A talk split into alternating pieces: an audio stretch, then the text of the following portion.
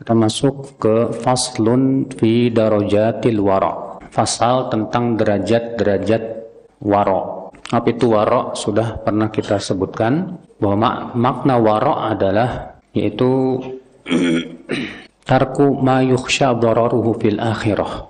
Wara adalah meninggalkan sesuatu yang dikhawatirkan akan membahayakan akhirat kita. Itu wara. Ada yang mirip dengan wara namanya zuhud dan perbedaannya juga tipis. Kalau zuhud artinya tarku ma la yanfa'u fil akhirah. Itu meninggalkan apa-apa yang tidak bermanfaat untuk akhirat kita. Maka semua yang tidak ada manfaatnya untuk akhirat kita, kita tinggalkan berarti kita zuhud. Mana yang lebih utama, wara atau zuhud? Jawabnya zuhud. Karena zuhud itu meninggalkan semua perkara yang tidak ada manfaatnya untuk akhirat kita. Sedangkan wara adalah meninggalkan semua yang dikhawatirkan akan membahayakan akhirat kita. Dan yang namanya sesuatu yang membahayakan tidak lepas dari makruh. Demikian pula apa? Haram. Ya. Nah di sini beliau Al-Imam Ibnu Qudamah dalam Mukhtasar Minhajil Qasidin membagi sifat wara itu menjadi empat bagian atau empat derajat. Kata beliau wal wara'u lahu darajatun arba' dan sifat wara itu memiliki empat derajat. Ad-darajatul ula derajat yang pertama dari sifat wara apa? Wahya darajatul udul an kulli ma taqtadil fatwa tahrimuhu. Wa hadha la yahtaju ila amsilah. Yaitu derajat berpaling dari segala sesuatu yang difatwakan oleh para ulama bahwa itu hukumnya haram. Ya, warok yang derajat yang pertama dan ini adalah warok yang wajib. Itu berpaling dari semua yang difatwakan oleh para ulama bahwa itu hukumnya haram. Ya, maka ini tidak butuh kepada contoh karena banyak banget ya perkara-perkara yang difatwakan oleh para ulama akan keharamannya. Contoh misalnya haramnya musik difatwakan oleh para ulama dari empat madhab dari ulama syafi'iyah, malikiyah, hanabilah, hanafiyah. Semua empat madhab bersepakat akan haramnya musik dengan dalil-dalil yang sangat kuat sekali. Demikian pula fatwa para ulama bahwa haram makan daging kodok berdasarkan hadis yang melarang untuk membunuh kodok dan yang lainnya. Maka ketika kita tinggalkan dan berpaling dari yang difatwakan oleh para ulama akan keharamannya, berarti kita berada dalam derajat yang pertama dari kewaraan. Sekarang ad-darajatu tsaniyah, derajat yang kedua. Al-wara'u an kulli syubhatin la yajibu ijtinabuha, walakin yustahabbu kama ya'ti fi qismi syubhat. Derajat yang kedua yaitu meninggalkan semua yang sifatnya samar atau syubhat. Meninggalkan semua yang sifatnya samar atau syubhat. Dan meninggalkan yang syubhat memang tidak wajib, namun hukumnya sunnah, Pak. Iya. Walaupun syubhat itu bertingkat-tingkat juga, sebagaimana nanti akan dijelaskan. Jadi kalau misalnya ada sesuatu yang sifatnya syubhat, ya, maka kita tinggalkan, nanti kita naik kepada derajat yang kedua.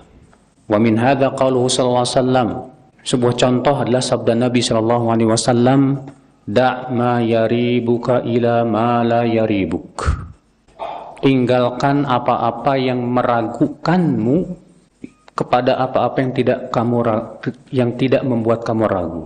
Contoh misalnya, kalau kita ragu, ya, terhadap suatu hadis, ada yang mengatakan bahwa hadis ini apa suatu ibadah, ada yang mengatakan bahwa ibadah ini apa sunnah. Ada yang mengatakan ibadah ini oh, nggak sunnah. Maka yang yang sikap yang warok bagaimana Pak? Jangan lakukan dulu. Kenapa? Karena masalah ibadah pada asalnya hukumnya apa? Ya, jangan dilakukan dulu.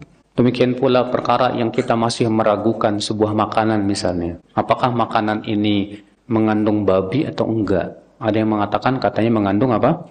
Babi. Ada yang mengatakan enggak. Maka yang warok adalah kita tidak makan. Walaupun memang pada asalnya makanan itu halal, sahih. Tapi sebagai sikap warok kita adalah kita tinggalkan itu. Iya. Itu derajat yang keberapa? yang kedua. Ad-darajatu tsalisah, derajat yang ketiga. Al-wara'u an ba'dil halal makhafat al-wuqu'i fil haram. Itu warok untuk meninggal itu meninggalkan sebagian yang halal karena takut jatuh kepada yang haram. Meninggalkan sebagian yang halal ya karena takut jatuh kepada apa? Takut, takut jatuh kepada yang haram. Contoh bagaimana sesuatu yang sifatnya halal yang bisa dikhawatirkan ini bisa menyeret kepada apa? Yang haram akal Islam azani Allah wa yakum. Contoh misalnya kita tamasya, jalan-jalan ke suatu pantai. Tapi kita tahu di pantai itu ya campur baur lah laki-laki, perempuan, dan perempuan-perempuan juga pakaiannya tahu sendiri gitulah. Kita khawatir ini kita tidak bisa meninggalkan atau tidak bisa mata kita untuk menundukkan apa? pandangan gitu. Lalu kemudian ah udahlah saya nggak nggak nggak nggak nggak nggak ke sana lah. Iya. Kenapa? Karena kita takut mata kita tidak bisa dijaga. Kita takut kalau kita malah jatuh kepada yang haram. Iya. Ad-darajatul rabi'ah derajat yang keempat al-wara'u an kulli ma laysa lillah wa wara'u siddiqin apa itu derajat yang keempat dan ini derajat warok yang paling tinggi yaitu meninggalkan semua sesuatu yang bukan karena Allah dan bukan di jalan Allah. Dan ini kata beliau waroknya orang-orang yang siddiq. Misalul dzalik di sini beliau memberikan contoh. Marwiya an Yahya bin Yahya an-Nisaburi rahmatullahi alaihi annahu syariba dawaan فقالت له امرأته لو مشيت في الدار قليلا حتى يعمل الداء حتى يعمل الدواء فقال هذه مشية لا أعرفها وأنا أحاسب نفسي منذ ثلاثين سنة Yahya bin Yahya An-Nisaburi rahimahullah beliau itu gurunya Imam Bukhari ya pernah minum obat Pak kemudian istrinya berkata kalau bisa kamu berjalan sebentar supaya obatnya itu berfungsi kata Yahya bin Yahya ya berjalannya itu saya nggak tahu dalilnya apa katanya. Dan saya semenjak 30 tahun saya menghisap diri saya. Fahadha rajulun lam tahdhurhu niyatun fi hadhil mashyah tata'allaq fid din. Lihat Yahya bin Yahya ini ya beliau belum bisa menghadirkan niat karena Allah ketika berjalan ya setelah minum obat. Falam yuqdim alaih sehingga beliau belum berani melakukannya Takut kalau berjalannya itu bukan karena Allah Subhanahu wa taala. Iya. Ini adik-adik, adik-adik dipisah aja jangan di situ. Pencar-pencar aja biar nggak ngobrol, ya. Kita berada di majlis ta'lim, nggak boleh ngobrol ya adik-adik ya. Kata beliau tahqiqu fihi anna al-wara' lahu awwalun wa ghayah. Dan tahqiq tentang masalah wara' kata beliau, wasikap wara' itu ada awalan dan ada tujuan. Wa bainahuma darajatun fil ihtiyat dan di antara kedua derajat tersebut ada beberapa derajat dalam kehati-hatian. Jadi sikap waro itu hakikatnya Pak kehati-hatian. Makanya Nabi Shallallahu Alaihi Wasallam ya menganggap bahwa sikap waro itu adalah sebaik-baik agama. Nabi mengatakan wa khairu dinikum al wara dalam hadis yang dihasan oleh Syekh Al-Albani rahimahullah dalam Sahih Targhib wa Tarhib. Ya. Nabi Shallallahu Alaihi Wasallam bersabda, wa khairu dinikum al wara. Sebaik-baik agama kamu adalah sikap wara. Masya Allah. Kenapa? Karena wara itu hakikatnya hakikatnya kehati-hatian. Hati-hati jangan sampai akhirat kita cacat gitu. Kadang kita tidak hati-hati, Pak. Ya, nonton YouTube, Facebookan dan yang lainnya. Akhirnya apa yang terjadi? Waktu kita habis buat nonton hal-hal yang enggak-enggak bahkan terkadang qadarullah ya di, di situ kan ada tontonan-tontonan perempuan juga yang mempertontonkan aurat. Akhirnya kita malah membuat akhirat kita dan agama kita cacat. Akun Islam azan ya Allah ya. ini bahaya ya kata beliau fakullama kana al-insanu ashadda tashdidan kana asra'a jawazan ala sirat seorang insan semakin kuat sifat waraknya sifat kehati-hatian dalam agamanya, akhi, maka semakin nanti pada hari kiamat semakin cepat melewati jembatan sirat yang terbentang di atas api neraka. Karena asra jawazan ala siratu akhafu dhahran dan semakin ringan punggungnya. Watatafawatul manazil fil akhirah bihasbi tafawut hadid hadid darajati fil wara. Bahkan perbedaan derajat penduduk surga dan perbedaan derajat manusia nanti di akhirat itu ditentukan oleh derajat waroknya dalam agama.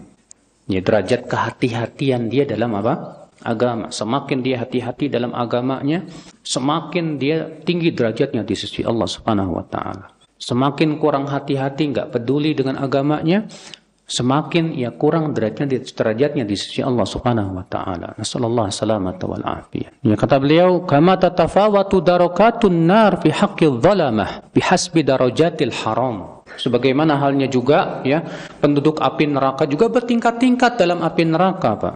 Disesuaikan dengan tingkatan keharaman yang mereka lakukan. Fa in syi'ta fazid fil ihtiyat wa in syi'ta fatarakhas. Maka jika kamu mendapatkan pengen ingin mendapatkan derajat tinggi di sisi Allah, tambahkan sikap hati-hati kamu. Tapi kalau kamu tidak menginginkan derajat tinggi, ya silahkan kamu ya bermudah-mudahan dalam masalah ini. Falinafsika tahtatu wa 'alaiha tatarakhas. Ya, maka ketika kamu hati-hati itu keuntungan buat diri kamu. Dan ketika kamu bermudah-mudahan itu kebinasaan buat diri kamu. Subhanallah ya akhal Islam azani Allah wa yakum. Makanya, akhi, agar kita bisa berhati-hati ya, sebelum kita melakukan perbuatan penting sekali kita muhasabah. Muhasabah maksudnya apa, Pak? Maksudnya kita pikirkan dulu, kita pertanyakan dulu sebelum kita beraktivitas apa pun, sebelum kita melakukan apa pun, tanya dulu apa tujuannya. Ya. Nah, dengan cara seperti itu insya Allah. Makanya Al-Imam Ibn Qayyim dalam kitab beliau, Masya Allah, yang berjudul Ighathatul Lahafan min Masaidi Syaitan. Ketika beliau berbicara tentang muhasabatun nafs, muhasabah introspeksi diri dan betapa pentingnya introspeksi diri di dalam pembenahan jiwa. Beliau mengatakan bahwa muhasabah itu adanya di, di dua tempat. Yang pertama, qoblal amal, sebelum beramal, sebelum berbuat. Perbuatan apa pun yang hendak kita lakukan, sebelum kita lakukan, tanya dulu, introspeksi dulu. Ya. Kalau kita biasakan seperti itu, Masya Allah ya akhi. Biiznillah, ya dengan izin Allah kita akan selamat. Tapi kalau kita tidak biasakan sebelum berbuat, kita introspeksi dulu, kita tanya dulu pada diri kita, ya, ya, akhirnya kita sering kali terkena godaan setan ya, Bahkan terkadang kita malah terjerumus kepada yang haram. Na'udzubillah. Nasallallahu salamata wal afiyah. Kemudian kata beliau, Al-Qismu Bagian yang kedua yaitu menjelaskan fi maratibis syubuhat wa tamyiziha 'anil halali wal haram yaitu tentang tingkatan-tingkatan syubhat dan membedakan antara yang halal dan yang haram. Akhi, penting sekali kita mengetahui tentang tingkatan syubhat, akhi. Karena Nabi Shallallahu alaihi wasallam sangat menganjurkan kita untuk meninggalkan syubhat. Nabi bersabda, "Innal halala bayyinun wa innal harama bayyinun." وبينهما أمور مشتبهات لا يعلمهن كثير من الناس فمن اتقى الشبهات فقد استبرأ لدينه وعرضه ومن وقع في الشبهات وقع في الحرام kata Nabi yang halal sudah jelas yang haram juga sudah jelas dan di antara yang halal dan yang haram ada perkara-perkara syubhat samar lalu Nabi mengatakan apa siapa yang meninggalkan syubhat ya ittaqa syubhat itu berhati-hati dalam perkara yang syubhat. Maka sungguh ia telah menjaga kesucian agamanya dan kehormatannya. Tapi siapa yang jatuh kepada perkara yang syubhat maka ia akan terseret kepada yang haram kata Rasulullah SAW. Karai yar'a haulal hima. Perumpamaannya kata Nabi seperti penggembala yang menggembalakan domba-dombanya dekat daerah larangan Yushik an, an yarta'fi hampir-hampir gembala-gembalanya itu akan masuk ke daerah yang terlarang kata beliau. Kak dari itu yang akal Islam ya martabat-martabat syubhat ini penting kita pahami. Kata beliau wa hadithun Nu'man bin Bashir radhiyallahu anhu nassun fi hadhil aqsam thalathah.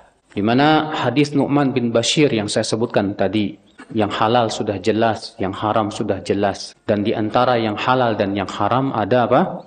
Ada yang syubhat itu jelas sekali menyebutkan agama kita ini tidak lepas dari tiga. Ya. Yang pertama halal, jelas halalnya. Yang kedua apa? Haram, jelas haram. Dan yang ketiga apa pak? Yang sifatnya syubhat masih samar. Namun sesuatu yang syubhat itu sifat syubhat itu pak sifatnya relatif pak. Disesuaikan dengan keilmuan seseorang. Semakin tinggi ilmunya, semakin jelas permasalahan. Semakin kurang ilmunya, semakin banyak yang syubhat. Makanya kalau antum ya semakin paham dalil, semakin dalam ilmu, insya Allah antum akan semakin tahu dalil-dalilnya, insya Allah semakin sedikit perkara yang samar buat antum. Tapi ketika antum sedikit ilmunya, sedikit pengetahuan tentang dalilnya, akan semakin banyak syubhat, Pak semakin banyak yang nggak samar itu. Eh, apa yang sesuatu yang samar itu. Maka antum lihat orang-orang yang mengajinya nggak kenceng ya ngajinya ngasal gitu. Karena kan penuntut ilmu itu ada yang sungguh-sungguh menuntut ilmunya untuk menghasilkan ilmu sebanyak-banyaknya. Ada penuntut ilmu yang ngajinya asal-asalan Mbak. nah yang dikhawatirkan ini penuntut ilmu yang ngajinya asal-asalan Mbak. kenapa kita khawatirkan? Karena keilmuannya tidak akan kokoh kalau ilmunya nggak kokoh, akan sangat mudah terkena syubhat. Sedikit ada ah, penceramah yang membawakan argumentasi untuk membenarkan pemikirannya yang menyimpang, mudah sekali dia apa? menerima argumentasi tersebut. Sehingga tidak bisa membedakan mana yang hak, mana yang batil. Sehingga menjadi syubhat buat dia. Kenapa? Karena yaitu kekurangan ilmu. Tapi kalau penuntut ilmu yang sungguh-sungguh il, menuntut ilmunya, setiap ada permasalahan yang samar pada dirinya segera ia gali, gali, gali, lihat dalilnya, bagaimana perkataan para ulamanya. Insya Allah orang seperti ini selamat, Pak. Selamat insya Allah. Ya. Ikhwatal Islam, azani Allah wa Jadi, ya perkara dalam masalah agama ada tiga tadi. Yang pertama yang halal, yang kedua apa? Yang haram, dan yang ketiga, yang tengah-tengah. Itu yang belum jelas halal dan haramnya. Wa nahnu ghita'a anha. Dan kita, kata beliau, akan membuka ya penutupnya. Maksudnya beliau akan menjelaskan tentang hakikat syubhat ini. Sesuatu yang samar di mana ia antara halal dan haram ini. Fanaqul, maka kami katakan kata Imam Ibnu Qudamah, al halalu mutlaqu alladhi la yata'allaqu bidzatihi sifatun tujibu tahriman li'ainihi wa la yata'allaqu bi asbabihi ma yatruku ilaihi tahriman aw karahiyatan. Halal yang mutlak yang jelas yaitu halal yang tidak berhubungan secara zatnya sifat yang mengharuskan keharaman ya. Dan tidak berhubungan dengan sebab-sebab yang bisa menjerumuskan kepada yang haram atau yang makruh Nah, ini halal yang sudah, yang jelas banget, Pak. Yang mutlak. Jadi halal yang mutlak itu apa tadi? Yaitu halal yang benar-benar halal dan tidak ada hubungannya dengan apa? Dengan sifat yang haram dan juga tidak berhubungan dengan sebab yang menyebabkan dia akan terjerumus kepada yang haram. Karena kan ada yang halal, tapi yang halal ini Pak bisa menjerumuskan kepada yang haram. Ada. Nah ini, jadi kata beliau halal yang mutlak seperti itu. Misalu dzalik contoh kata beliau. Alma air. Alladhi ya'khudhu al-insan min al-matar yang diambil dari hujan, itu air hujan. Qabla an yaqa ala milki ahadin sebelum jatuh ke pemilikan seseorang. Iya. Maka air hujan jelas banget kehalalannya. Tidak ada syubhat pada di, padanya di situ. Contoh lagi, ikan yang ada di laut. Ikan yang ada di laut jelas kehalalannya. Dia bukan milik siapa pun juga. Iya. Kemudian kata beliau al-haramul mahad. Adapun haram yang murni, kalau tadi kan halal yang murni. Sekarang haram yang apa? Yang murni, mafihi sifatun muharramah, yaitu yang ada padanya sifat yang diharamkan. Ya, seperti apa? Seperti memabukan dalam arak.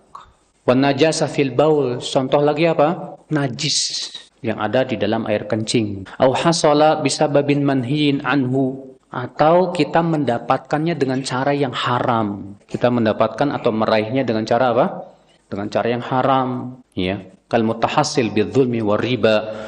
Seperti antum mendapatkan harta dengan cara zolim atau dengan cara riba, Pak. Dapat duit nih. Dari mana kamu dapat duit? Hasil nyuri, haram, ya. Fahadhani tarfani zahiran. Maka ini jelas sekali keharamannya wa yaltahiq bihima ma tahaqqaqa amruh. Dan yang masuk juga kepada haram yang murni ya yaitu yang sudah menjadi jelas perkaranya. Walakin yahtamilu taghayyuruh. Namun ada kemungkinan berubah. Walam yakun lidzalikal ihtimam ihtimalu sababun dhahirun yadullu alaih. Namun kemungkinan ini tidak memiliki sebab yang menunjukkan kepadanya ya. Fa inna saydal barri wal bahri halal. Contoh kata beliau buruan daratan dan lautan pada asalnya halal tidak Pak? Kita berburu di hutan misalnya antum berburu kelinci atau yang lainnya atau antum mancing atau jadi nelayan di laut ya berburu ikan misalnya ya. Itu halal.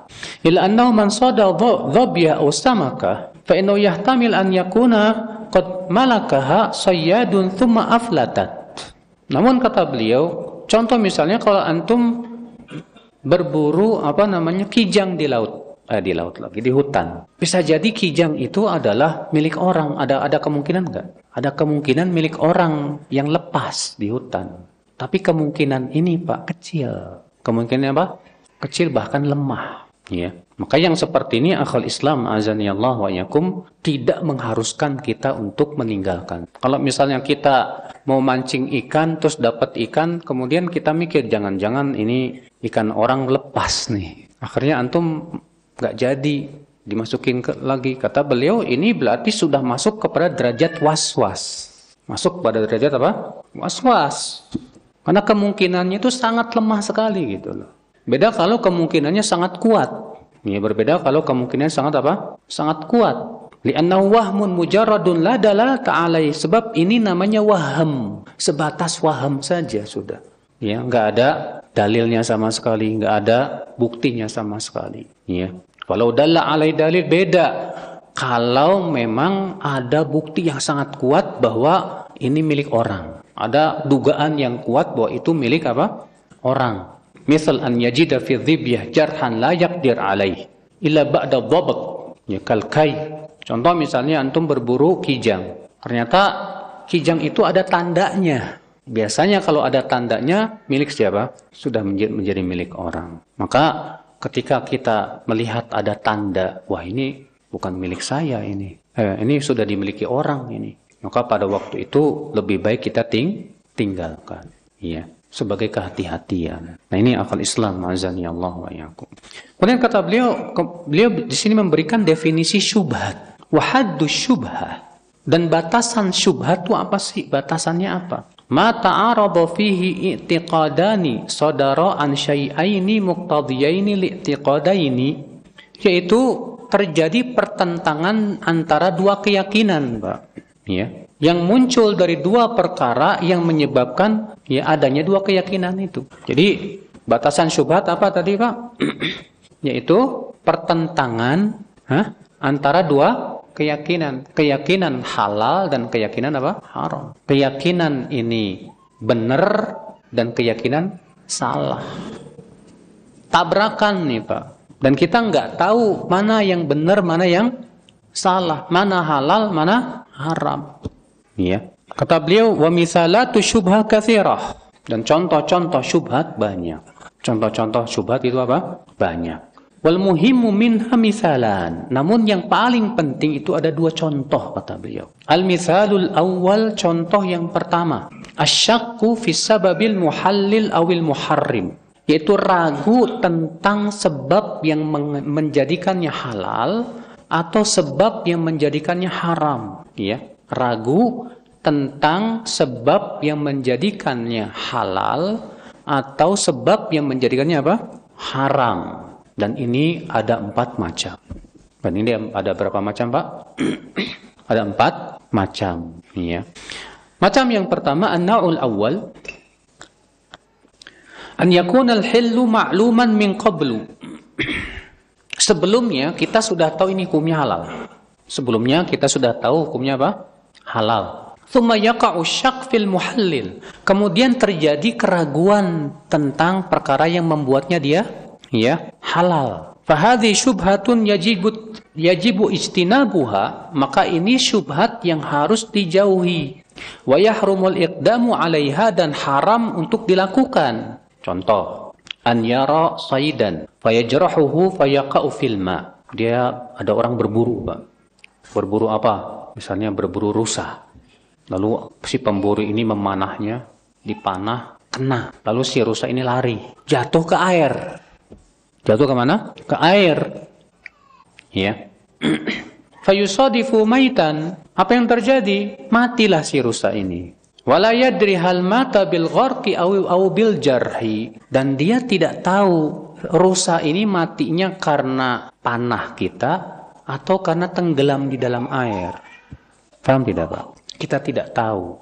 Ini rusa rusa yang saya panah ini matinya kenapa ya? Maka pada waktu itu apa? Fahadha haram. Maka ini hukumnya apa? Haram.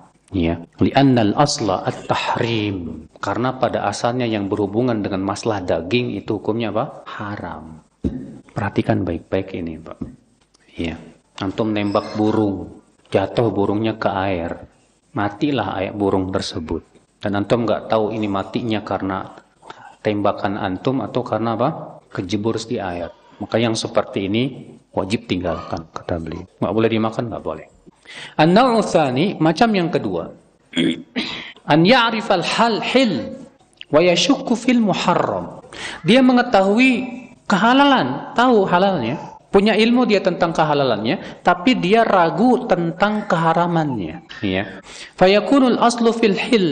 Maka pada waktu itu kita ambil pada asalnya itu halal. Pada asalnya hukumnya apa? Halal. Wal hukmulah dan kita hukumi itu hukumnya halal. Kama lau irun contoh kata beliau kalau burung terbang. Ada burung apa? Terbang. Faqala rajulun in kana hadza ghuraban famra'atu tariq. Lalu ada orang berkata, kalau ini burung gagak, maka istri saya saya cerai. Contoh aja Pak, contoh Pak. Walaupun memang contohnya agak ekstrim ini Pak. Iya. Jadi ada burung terbang, lalu ada orang seorang laki-laki berkata, kalau ini burung gagak, maka istri saya saya cerai. Wa qala akhar wa illam yakun ya ghuraban famra'atu taliq.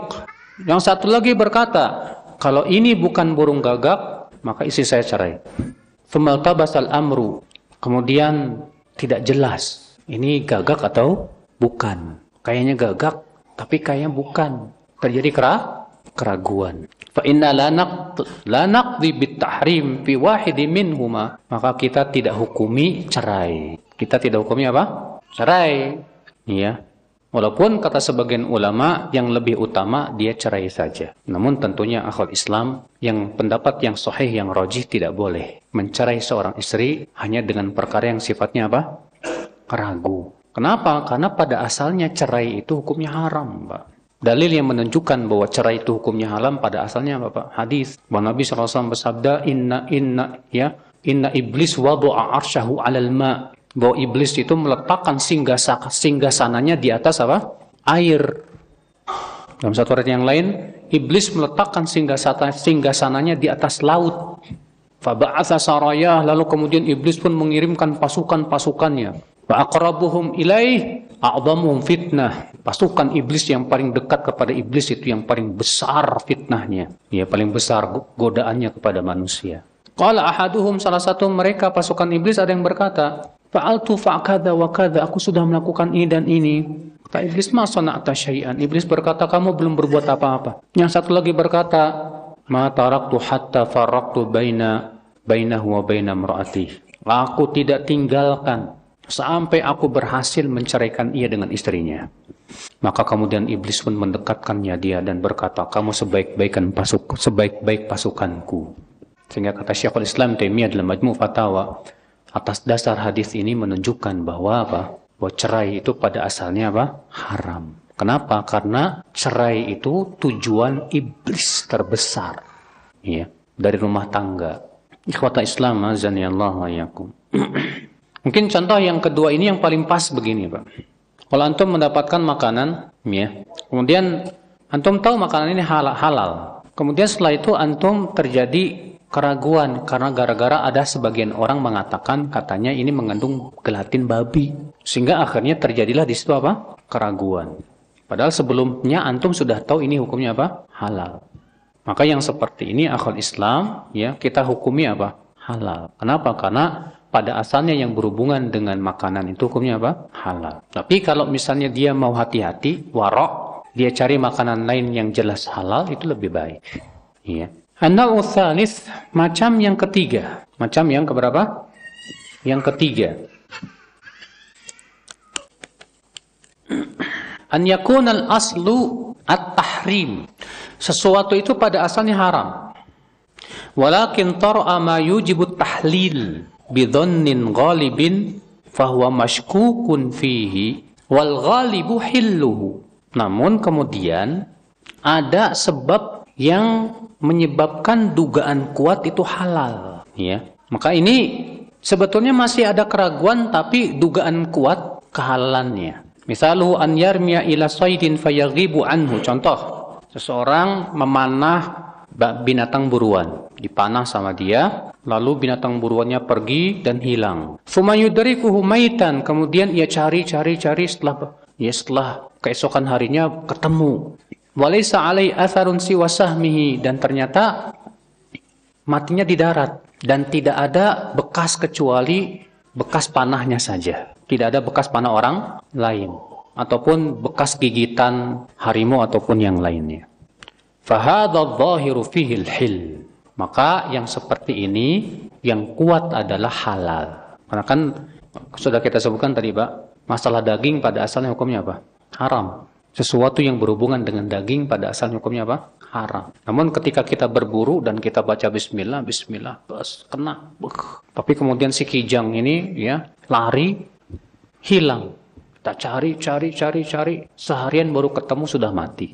Iya. Dan tidak ada bekas kecuali panah kita. Maka yang seperti ini kata beliau yang kuat adalah halal. Lianna al-ihtimal idza lam yastanid ila dalilin iltahaqa bil waswasah. Karena walaupun memang ada kemungkinan matinya oleh selain oleh panah kita, tapi itu kemungkinan kecil. Maka ketika kita menggunakan kemungkinan yang kecil, yang lemah, itu justru malah was-was jadinya. Ya, malah apa? Was-was. Makanya di sini Pak, penting sekali kita pahami kapan seseorang itu disebut was-was, kapan seseorang itu disebut apa? mengamalkan yang yakin, ya. Contoh misalnya, antum ragu nih. Tadi saya jam jam 11 sudah wudhu. Kemudian terjadi keraguan. Keraguannya apa, Pak? Udah kentut apa belum? Kayaknya tadi saya buang angin deh. Eh, kayaknya enggak deh. Kayaknya buang angin deh. Kayaknya enggak deh. Tapi antum yakin, antum sudah wudhu. Maka dalam keadaan seperti ini yang yang yang yang yakin yang mana, Pak? Hah? Yang yakin itu antum sudah wudhu kan? Namun di situ ada sedikit apa? Terjadi keraguan. Keraguan yang diragukan apanya, Pak? Batal atau tidaknya. Maka pada waktu itu yang kita hukumi apa? Hah? Bahwa kita masih di atas wudhu.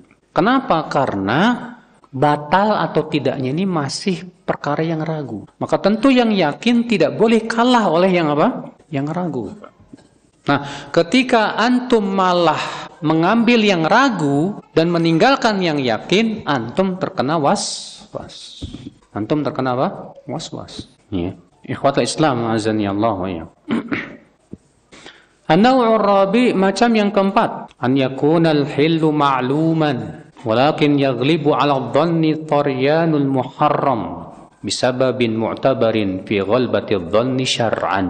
Sesuatu yang halalnya sudah diketahui, kehalalannya sudah diketahui. Namun kemudian ya dugaan kuat datang akan adanya sebab keharamannya. Akan ada sebab kehama, apa? keharamannya. Contoh misalnya kata beliau, Misalu an yu'addi ijtihadu ila najasati ahadil ina'aini bil i'timad ala alamatin muayyanatin tujibu alaihi dhann. Yaitu terjadi keraguan nih antara dua bejana, ya. Mana yang najis? Antara yang ini atau yang itu. Namun kemudian, Pak, ada dugaan yang sangat kuat karena ada sedikit ada bukti yang menguatkan misalnya bahwa yang najis itu yang ini. Maka pada waktu itu kata beliau, ya, ya, maka saat seperti itu watujibut tahrimu syurbi wajib atau tidak boleh kita minum dari air berjana tersebut. Ya, sebagaimana halnya kita tidak boleh berwudu darinya. Kalau kita tadinya ragu kemudian ter, ada sedikit bukti yang menguatkan bahwa yang ini yang hukumnya apa? Yang najis, yang ini enggak. Nah ini akal Islam ini empat permasalahan ya yang sudah kita sebutkan tadi pada contoh yang pertama. Benar di mana contoh yang pertama tadi apa? Itu keraguan tentang sebab yang menghalalkan dan sebab yang mengharamkan. Nah, itu tadi ada empat macam. Sekarang contoh yang kedua kata beliau, an yahtalital haramu bil halal. Yang haram dan yang halal nyampur. Ya, yang halal dan yang haram apa? Nyampur. Amru fi sehingga jadi samar. Kita nggak tahu mana yang halal, mana yang haram. Wadzalika ala adrub ini pun ada beberapa macam. Ini pun ada beberapa macam kata beliau. Ahaduha yang pertama. Idza ikhtalafat maitah bimudakkah. Kalau bercampur antara ayam yang disembelih dengan ayam yang bangkai, tercampur dan antum nggak tahu mana yang bangkai, mana yang apa? Yang udah dipotong. Karena kan sebagian penjual ayam, Pak, sebagian penjual, penjual daging ayam itu nggak mau rugi. Akhirnya apa yang terjadi? Ayam yang mati, terkadang kan ketika dalam perjalanan tuh ada yang mati, Pak. Nah, nggak mau rugi, akhirnya dipotong juga. Dan kita tahu si penjual ini memang punya kebiasaan seperti itu, suka mencampur antara daging yang bangkai dengan daging yang yang disembeli, ya. Au bi asyratun minal mudzakkayat wa nahwi dzalika minal adad al mahsur ukhtuhu bi ajnab bi ajnabiyat. Fahadhi syubhah yajib ijtinabuha. Contoh lain kata beliau, ya, ada sebuah desa yang jumlah penduduknya ter, terhitung sedikit dan di desa itu salah satu wanitanya adalah saudara sesusuan kita, tapi kita nggak tahu yang mana. Maka pada waktu itu tidak boleh menikahi wanita yang ada di desa itu. Sebagaimana juga tadi ketika tercampur antara daging ayam yang bangkai dengan daging ayam yang apa? Yang disembelih yang halal, maka kita tidak boleh beli dari dia, Pak.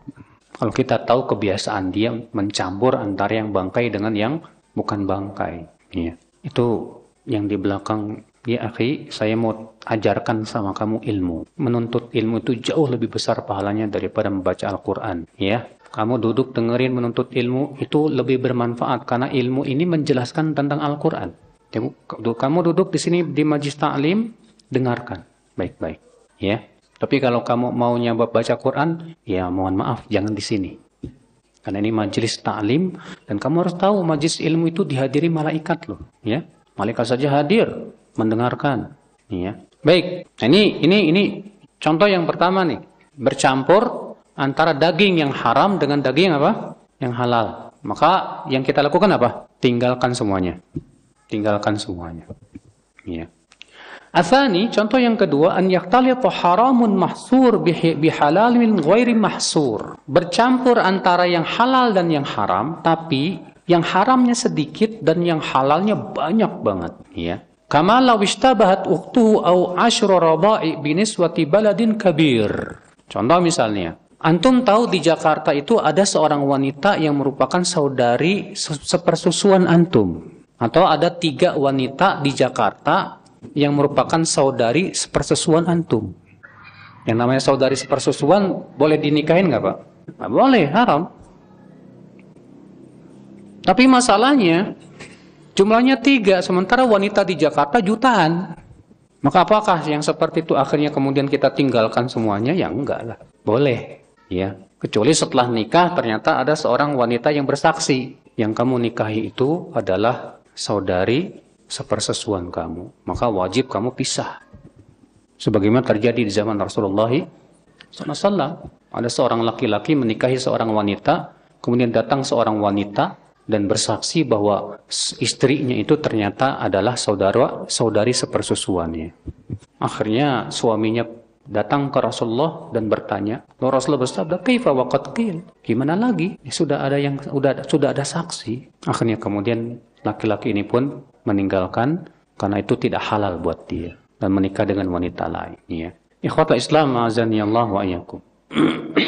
وكذلك من علم أن مال الدنيا خالطه حرام قطعا لم يلزمه ترك الشراء والأكل لأن في ذلك حرجا Demikian pula yang namanya harta di dunia ini Pak, pasti ada yang haram, ada kan? Tapi juga yang halal juga banyak. Ya. Karena halalnya jauh lebih banyak dibandingkan yang haramnya, maka pada waktu itu kita tidak boleh meninggalkannya kecuali dengan bukti yang jelas bahwa bahwa ini harta memang dari hasil yang haram. Ikhwata Islam azani Allah wa Athalis, contoh yang ketiga kata beliau. An yakhtalita haramun la yuhsar bihalalin la yuhsar. Bercampur yang halal dan yang haram. Tapi yang haramnya banyak banget dan yang halalnya juga banyak banget, Pak. Campur, ya. Yang halalnya banyak banget, yang haramnya juga sangat banyak. Kahukmil amwali fi zamanina hadha fala yahrum bihadzal ikhtilat tanawulu syai'in bi'aini. Seperti halnya kata beliau harta-harta yang ada di zaman kita. Itu di zaman Ibnu Qudamah gimana di zaman kita lah, Pak. Ya. Maka pada waktu itu kata beliau tidak tidak haram hukumnya ya untuk menggunakan harta-harta yang ada di zaman sekarang ya karena kita sudah tahu tentu di zaman sekarang Pak tidak lepas dari apa? Hah? riba. Ya. Dari percikan-percikan riba tuh. Ya. Maka ya akhir Islam azan ya Allah wa yakum, maka saat itu ya kita makan aja. Kecuali kalau sudah jelas ada bukti yang kuat bahwa ternyata ini ya haram, maka pada waktu itu nggak boleh dimakan. Makanya kata beliau illa an illa an yaqtarina bitilkal ain alamah tadulu ala annahu minal haram kecuali kalau memang ada bukti bahwa harta tersebut hukumnya apa? haram. Ya. Ikhwata Islam azani Allah wa iyyakum.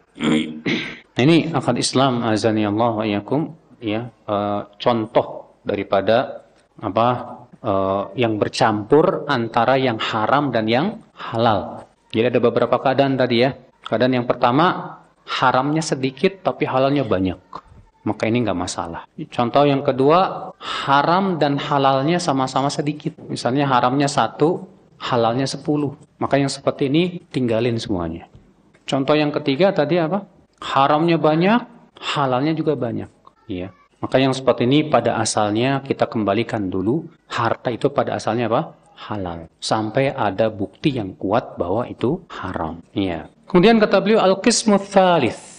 Bagian yang ketiga. ya minal kitab dari kitab ini. Fil halali wal harami wal bahthi was su'ali wal hujum wal ihmal wa madaniha. Tentang halal dan haram, pembahasan dan pertanyaan. Ya. Kata beliau, "I'lam annahu law qadima laka ta'amu أو قدم لك الطعام أو أهديت لك هدية أو أردت أن تشتري شيئا من شخص فليس لك أن تقول هذا مما لا أتحقق حله فأريد أن أفتش عنه وليس لك أن تترك البحث مطلقا بل السؤال واجب مرة وحرام مرة ومندوب مرة ومكروه مرة ketahuilah kalau ada orang yang ngasih kamu hadiah atau memberi kamu makanan atau kamu ingin membeli sesuatu dari seseorang maka kamu tidak perlu berkata, maaf hadiah ini belum jelas kepada saya kehalalannya. Ya, maka saya ingin memeriksa dulu. Gak perlu. Teman antum datang ke antum ngasih makanan, ini hadiah dari saya. Terus antum bilang, maaf ya, makanan ini halal apa haram? Yang ngasih teman muslim gitu loh. Ya, saya belum bisa terima nih. Saya mau periksa dulu nih, halal apa haram. Ini namanya nyusahin orang, Pak. Dan bahkan nyusahin diri sendiri, Pak. Ya. Namun juga bukan berarti kita tidak berhati-hati. Kadang kadang kata beliau pertanyaan itu wajib, kadang haram, kadang sunnah, kadang makruh. Ada keadaan-keadaannya. Wal qawlu syafi'i pendapat yang paling memuaskan dalam masalah ini kata beliau, anna madhannatas su'ali ar-ribah. Boleh nanya kapan? Kalau muncul keraguan. Kalau muncul apa? Keraguan. Ya. Kalau antum tahu teman antum ini orangnya kurang peduli masalah halal dan haram. Terus teman antum ngasih antum daging. Sementara antum tahu teman antum ini orangnya nggak peduli dengan halal dan haram. Eh, seperti ini menimbulkan keraguan nggak pak? Menimbulkan keraguan. Boleh nggak kita nanya? Boleh, nggak masalah. Afwan, akhi, ya, syukron hadiahnya. Cuman kalau boleh tahu beli di mana? Ya, terpaksa kita tanya karena kita tahu sifat orangnya itu nggak peduli sama halal dan haram. Ya. Tapi kalau antum punya teman yang antum tahu dia udah ngaji, udah paham hal dan haram, nggak perlu lagi nanya seperti itu. Ikhwata Islam, azan ya Allah wa ya. Contoh lagi, Pak. kalau antum beli apa namanya ayam, chicken, chicken, apa sih yang digoreng itu, Pak? Fried chicken. Iya. Dan antum tahu ini tokonya milik orang Yahudi. Dan kita tahu bahwa sembelihan orang Yahudi pada asalnya hukumnya apa? Halal. Allah yang menghalalkan dalam Al-Quran. Wa ta'amul ladhina utul kitab bahilul lakum. Dan sembelihan ahli kitab halal buat kalian. Apalagi orang Yahudi. Orang Yahudi itu Pak sangat hati-hati dalam masalah sembelihan. Ya. Dibandingkan orang Nasrani jauh. Orang Yahudi itu dalam masalah sembelihan mereka sangat hati-hati.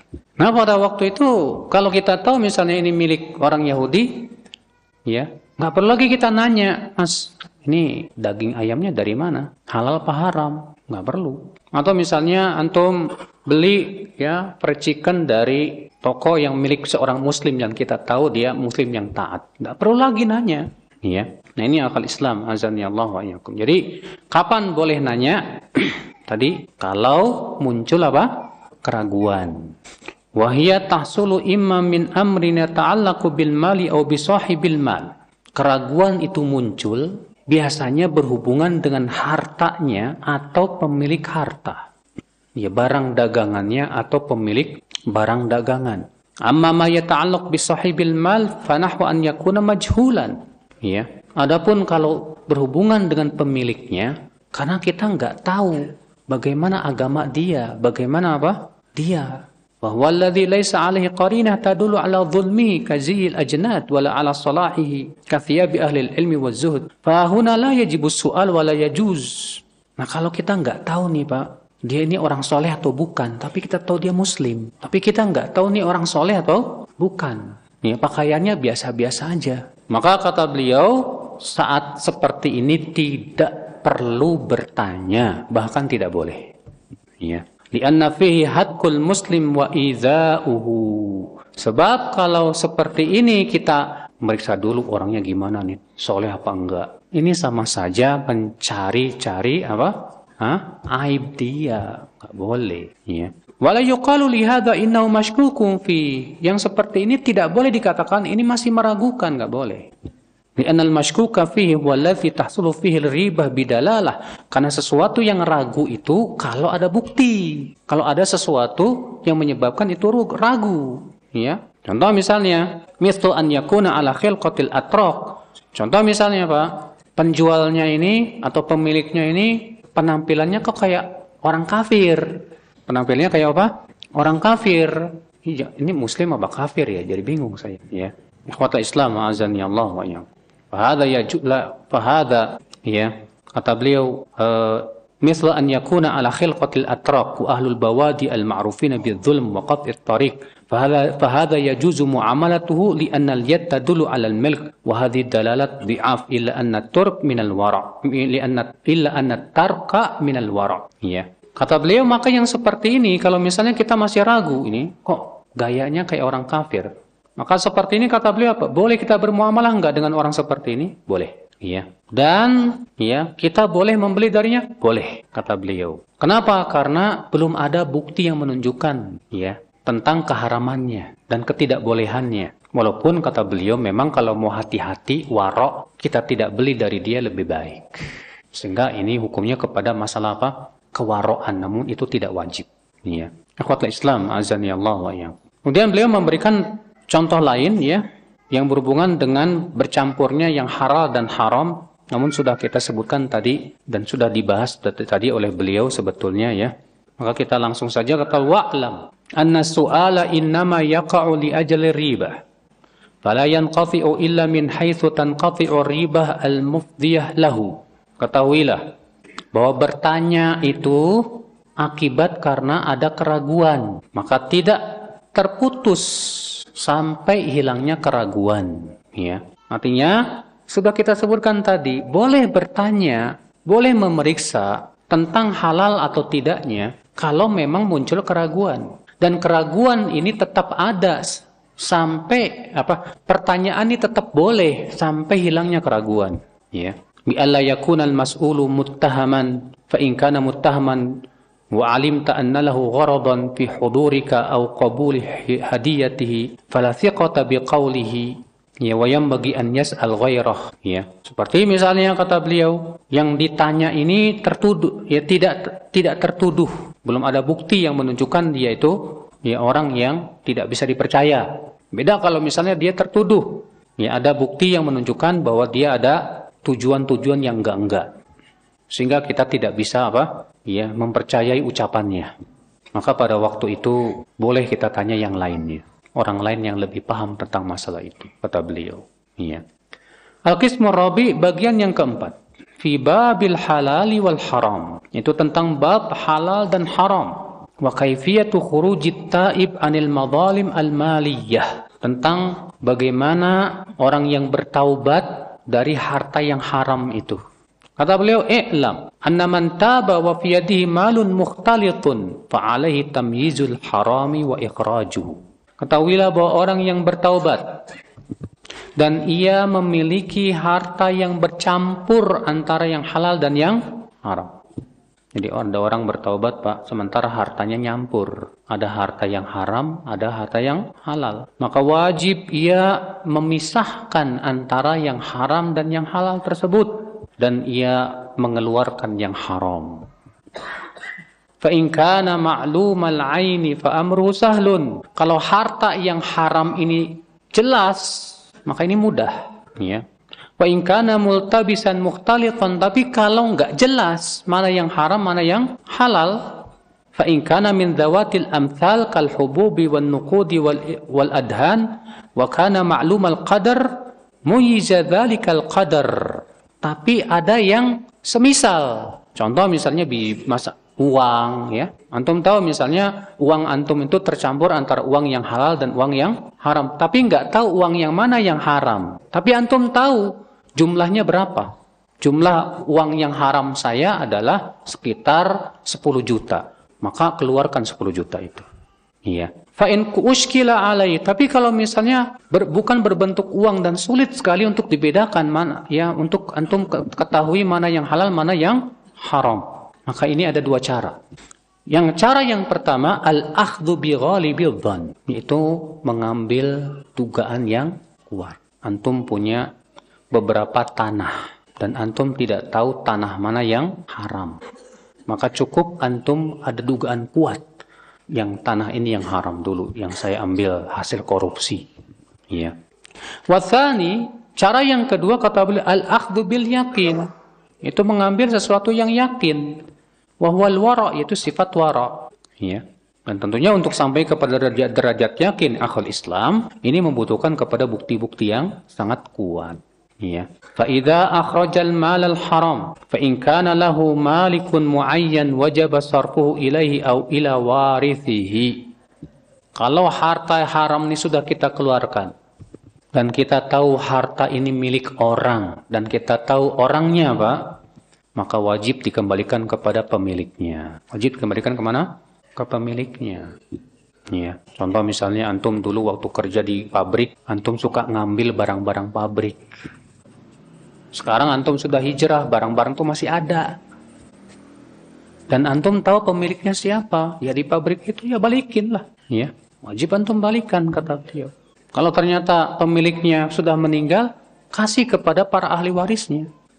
Wa in kana lidzalikal mal ziyadah wa manfa'ah, jama'a dzalika kullahu wa sarafahu ilaih. Tapi kalau misalnya Pak, harta haram ini sudah antum putar sehingga harta haram ini jadi bertambah, Pak. Misalnya harta haramnya 10 juta. Karena antum putar-putar-putar jadi 100 juta. Maka 100 juta ini semuanya wajib dikeluarkan.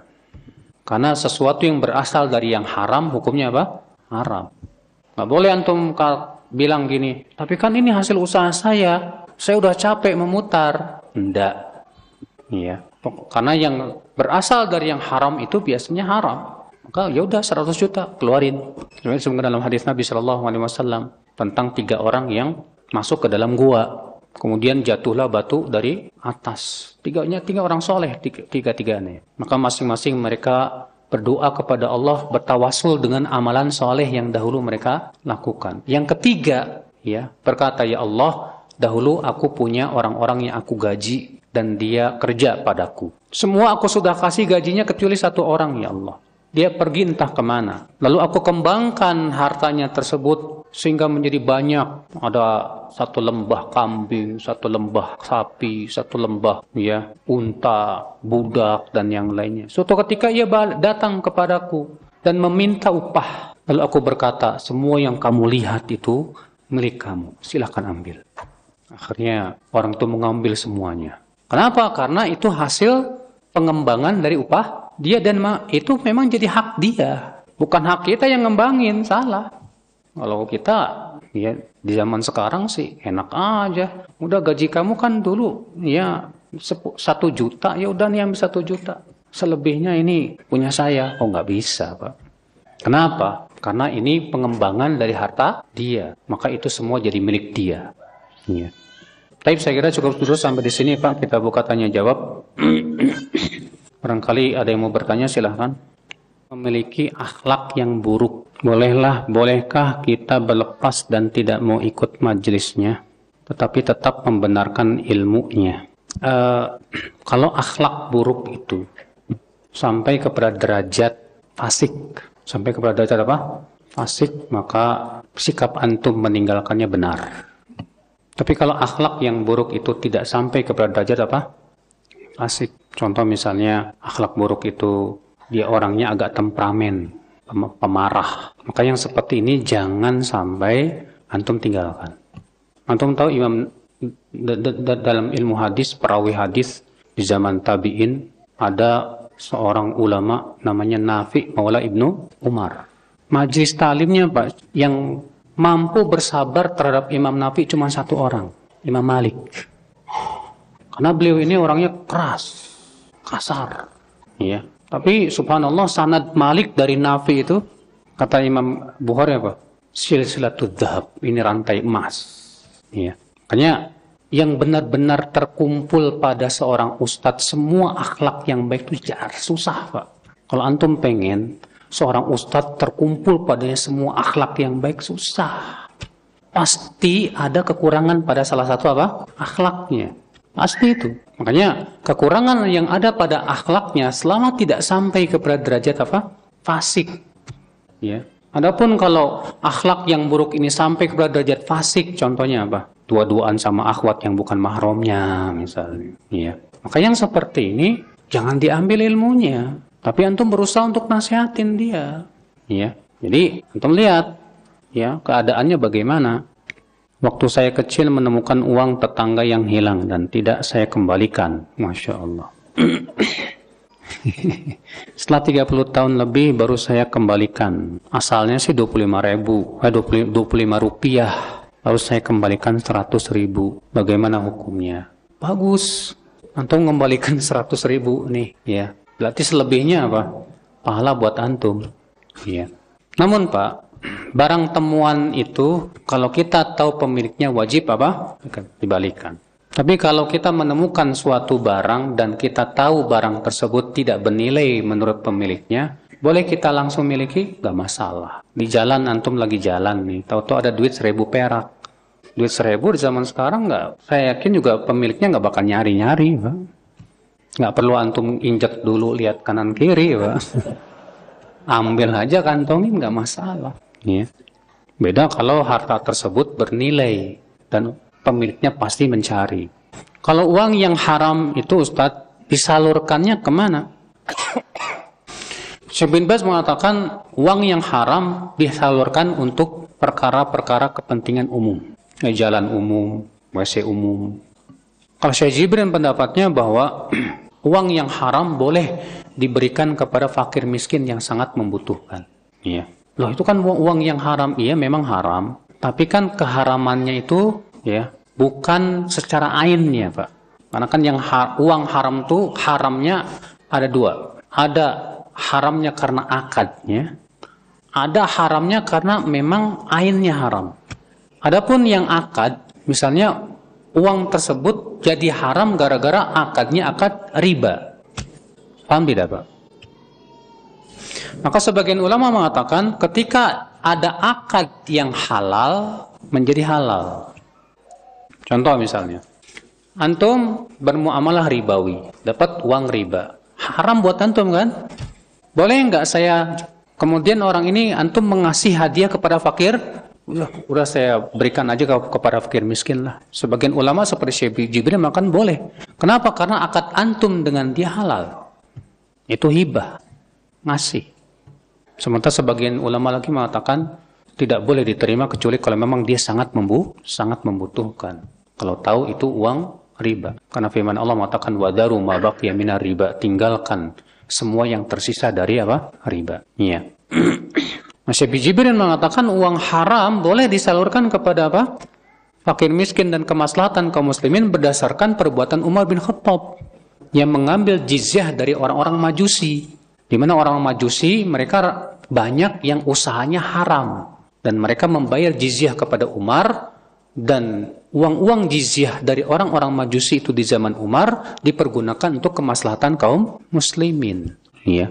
Bagaimana kalau suami menafkahi istri dengan harta yang belum jelas? Dalam artian setiap ditanya asal hartanya dari mana selalu menjawab gak perlu tahu. Ya memang istri gak perlu tahu. Kenapa? Karena pemberian suami wajib kepada istri dan istri berhak mendapatkan nafkah dari siapa? Maka bagi istri halal. Tapi bagi suami kalau ternyata itu pendapatannya haram, haram buat suami. Tapi buat istri halal. Kecuali kalau istri tahu suaminya perampok. Ngambil, dapat hartanya dari hasil apa? Merampok. Wajib dikembalikan tuh kepada pemilik-pemiliknya. Nggak boleh diambil. Ya. Maka kalau misalnya istri bertanya, Mas, saya kan pengen tahu kamu tuh kerjaannya apa, halal apa haram. Boleh nggak pertanyaan seperti ini? Boleh nggak masalah. Iya, supaya jelas statusnya. Nah sekarang jadi masalah kalau istri tahu, ya suaminya kerja di lembaga yang haram. Sementara si istri juga nggak kerja dan mengandalkan apa? Gaji suaminya. Maka yang seperti ini istri boleh nggak mengambil, Pak? Boleh nggak masalah. Iya.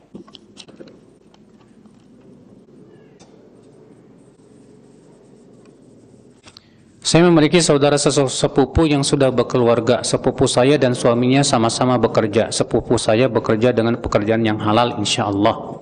Namun suaminya pegawai lembaga ribawi. Yang saya telah mengetahui bahwa kebutuhan primer dalam rumahnya ditanggung oleh suami. Pertanyaannya Ustadz, apa boleh bagi saya untuk menerima mak kiriman makanan atau memenuhi undangan untuk makan di rumahnya? Yang mana saya telah mengetahui untuk makanan tersebut didapat dari penghasilan suami. Kalau antum tahu bahwa itu semua dari harta suami, jangan. Ya. Kalau antum tahu itu dari harta siapa? Suami, jangan sebagai warok kehati-hatian. Walaupun memang sebagian ulama ada yang membolehkan. Kenapa? Karena ini haramnya akibat akad. Ya. Haramnya akibat apa? Akad. Jika ada gosip bahwa tukang jualan itu menggunakan bahan yang haram, Padahal tukang jualan tersebut berjilbab, taat beragama. Nah gosip ini dari siapa? Kalau kita tahu tukang jualannya dia taat orangnya, berjilbab, suka sholat dan yang lainnya. Tahu tuh ada ada gosip. Masa gara-gara gosip kita jadi kita tuduh orang tersebut? Nggak boleh, akhi. Kalau kita tahu dia orangnya taat, orangnya paham, berjilbab dan yang lainnya, buang jauh-jauh gosip itu. Kecuali kalau antum mendapatkan bukti yang sangat kuat. Iya. Tip, sepertinya sudah tidak ada yang bertanya. Iya. Ada yang bertanya silakan. Mm -mm, silakan. Betul. Yang dikhawatirkan betul. Apakah ada orang yang warok tapi tidak apa? Zuhud. Saya mau tanya tadi kan zuhud itu meninggalkan apa-apa yang tidak bermanfaat untuk apa? Akhirat. Sesuatu yang tidak bermanfaat itu, paham tidak? Tidak bermanfaat, itu hukumnya apa? Halal apa haram? Sesuatu yang tidak bermanfaat, contoh misalnya, ya, main game misalnya, nggak ada manfaatnya. Pada asalnya main game hukumnya apa? Boleh. Melakukan sesuatu yang mubah-mubah saja, tapi nggak ada manfaatnya, ya. Maka yang seperti ini memang bisa mengurangi apa? Muruah. Bisa mengurangi apa? Muruah, ya.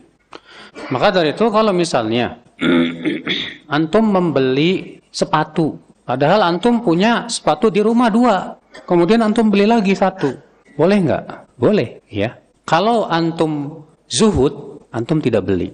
Tapi secara warok karena itu boleh dan tidak membahayakan agama saya, nggak masalah. Paham tidak? Iya. Tapi kalau antum ya membeli benda yang menyebabkan antum sibuk sama benda itu bisa melalaikan apa? Salat, melalaikan zikir kepada Allah, ya, bahkan menjerumuskan kepada apa? Hal-hal yang dimakruhkan bahkan yang haram. Maka antum namanya nggak waro, nggak apa? Nggak waro, ya. Memang tipis banget perbedaan antara apa? Waro dan apa? Zuhud tersebut. Nah, paham akhi? Kalau ritual-ritual jelas mengandung kesyirikan nggak boleh. Tapi kalau ritual-ritual bid'ah saya nggak tahu. Nanti saya coba cari-cari lagi. Baik, sepertinya sudah tidak ada yang bertanya lagi. Subhanakallah bihamdik, syadu an la ilaha illa anta astagfirullah Assalamualaikum warahmatullahi wabarakatuh.